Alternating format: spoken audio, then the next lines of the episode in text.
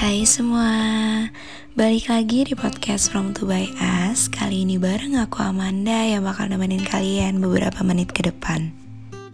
Aku bakal nemenin kalian buat bincang-bincang hangat seputar quarter life crisis.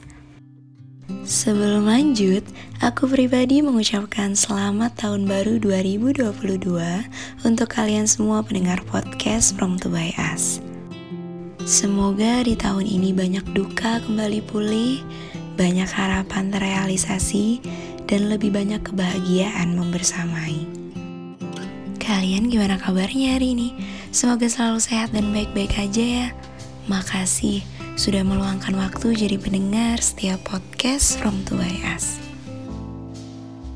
Teman-teman, kalian pernah gak sih merasa kosong, kesepian, tertekan, merasa tidak memiliki arah, bingung, galau akan ketidakpastian hidup di masa mendatang. Atau kalian merasa khawatir mengenai masalah relasi, percintaan, karir, atau mungkin kehidupan sosial. Hmm, kalau pernah nih, atau saat ini lagi ada di posisi seperti yang aku sebutkan tadi, bisa jadi kamu sedang mengalami quarter life crisis. Quarter life crisis atau yang biasa dikenal dengan sebutan periode seperempat abad ini adalah periode saat seseorang berusia antara 18 sampai 30 tahun di mana rentang usia ini tuh jadi periode pencarian jati diri gitu pada diri seseorang. Menurut orami.co.id nih teman-teman, ciri kita sedang mengalami quarter life crisis itu yang pertama adalah merasa terjebak dengan rutinitas. Wah, perasaan terjebak ini tuh biasanya terjadi pada pekerjaan, hubungan pribadi atau bahkan keduanya. Yang mana sebenarnya perasaan ini tuh katanya hanya ilusi karena sebenarnya kita punya waktu untuk pergi atau bahkan hanya sekedar cute time. Tapi kadang merasa terkunci atau terkurung pada sesuatu keadaan yang akhirnya menyebabkan kita merasa terjebak dengan rutinitas yang kita jalani sehari-hari. Seseorang dengan ciri seperti ini tuh teman-teman Biasanya mereka udah matang dari segi finansial dan pekerjaan Namun merasa bahwa pekerjaan mereka itu tidak membuat perasaan mereka tuh bahagia gitu. Nah lalu yang kedua nih teman-teman Ada mencemaskan masa depan. Kalau menurut aku pribadi nih uh, untuk mencemaskan masa depan itu tuh bisa terjadi kapan pun dan di mana pun, bahkan secara tiba-tiba kadang. Termasuk saat nongkrong bareng teman-teman di kedai kopi. Kalau kesenggol dikit ngobrolin tentang masa depan, hmm, udah deh, rasa cemas dan khawatir tentang itu pun seketika langsung muncul gitu aja. Bahkan saat mau tidur istirahat pun, ketika kita lagi ada di fase quarter life crisis ini, pikiran cemas khawatir tentang masa depan pun tetap datang menghampiri. Lalu yang ketiga ada minder dengan keberhasilan teman. Juga ada kurang motivasi dalam menjalani aktivitas sehari-hari, dan sulit menentukan apakah harus menjalani hidup sesuai dengan keinginan diri sendiri atau sesuai dengan tuntutan keluarga dan masyarakat. Quarter life crisis ini tuh sebenarnya bukan hal yang harus ditakutkan kok teman-teman. Hmm, bisa dibilang keadaan ini tuh merupakan transisi menuju fase hidup berikutnya atau pembelajaran untuk menjadi lebih dewasa gitu ya jadi penting untuk mempersiapkan diri dengan baik agar dapat lebih berani menghadapi rintangan di depan dan dapat hidup lebih bahagia di kemudian hari. Tapi, tapi, ada tapinya nih teman-teman.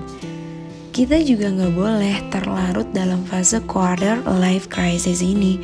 Karena jika kita memutuskan untuk terus menikmati fase krisis kehidupan ini, hal ini juga akan berdampak buruk terhadap kelanjutan hidup kita. Kondisi ini tuh dapat mempengaruhi kinerja dan semangat hidup kita, karena biasanya seseorang yang berada atau sedang memasuki fase quarter life crisis akan menarik diri dari pergaulan dan membatasi lingkup pertemanan. Jadi, kita harus bersikap bijak terhadap diri kita agar quarter life crisis ini tidak berubah menjadi depresi. Ada hal-hal yang bisa kita lakukan untuk menghadapi quarter life crisis ini loh teman-teman. Yang pertama, berhenti membandingkan diri dengan orang lain. Karena membandingkan diri dengan orang lain hanya akan membuat kita semakin khawatir alih-alih membandingkan diri dengan orang lain nih teman-teman lebih baik kita menciptakan hidup seperti apa yang sebenarnya kita inginkan atau hidup yang ingin kita jalani namun juga harus bisa mengontrol diri dengan berjanji untuk berpikir bahwa jawabannya mungkin tidak akan langsung ada karena hidup penuh proses. Fokus saja dengan bagaimana cara kita bisa melewati satu hari dengan sebaik-baiknya. Yakin bahwa kita perlahan akan mengetahui keinginan dan tujuan kita. Lalu yang kedua, ubah keraguan menjadi tindakan. Yang ketiga, temukan orang-orang yang bisa mendukung kita. Dan yang terakhir, belajar mencintai diri sendiri. Karena ketika sedang terjebak dalam quarter life crisis, kita mungkin akan cenderung mengabaikan berbagai kenikmatan yang sebenarnya kita miliki. Padahal, untuk mencapai tujuan dalam hidup, kita perlu menghargai dan mencintai diri kita terlebih dahulu. Jadi, mulailah perhatikan kebutuhan kita. Apa yang kita suka, apa yang membuat kita nyaman, dan apa yang ingin kita coba lakukan. Kemudian, wujudkan mereka satu persatu dengan passion kita, dimulai dari yang kecil terlebih dahulu. Lalu tanpa sadar, hal-hal kecil ini akan membuat hidup kita lebih menyenangkan. Quarter life crisis bisa menghampiri siapa pun. Karena ini hal yang sangat wajar. Aku yakin semua orang bukan hanya kita juga pasti pernah atau akan merasakan fase quarter life crisis. Dalam menghadapi fase ini, kita membutuhkan fisik dan mental yang kuat agar krisis ini tidak membawa kita menjadi kehilangan jati diri yang sebenarnya. Oleh karena itu, selain memperhatikan kebutuhan jiwa, jangan lupa juga untuk merawat diri dengan berolahraga serta mengkonsumsi makanan bergizi untuk kesehatan tubuh.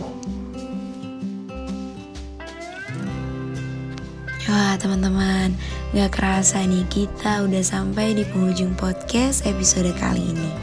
Tetap semangat ya teman-teman. Sekali lagi selamat tahun baru 2022. Sampai bertemu di episode selanjutnya.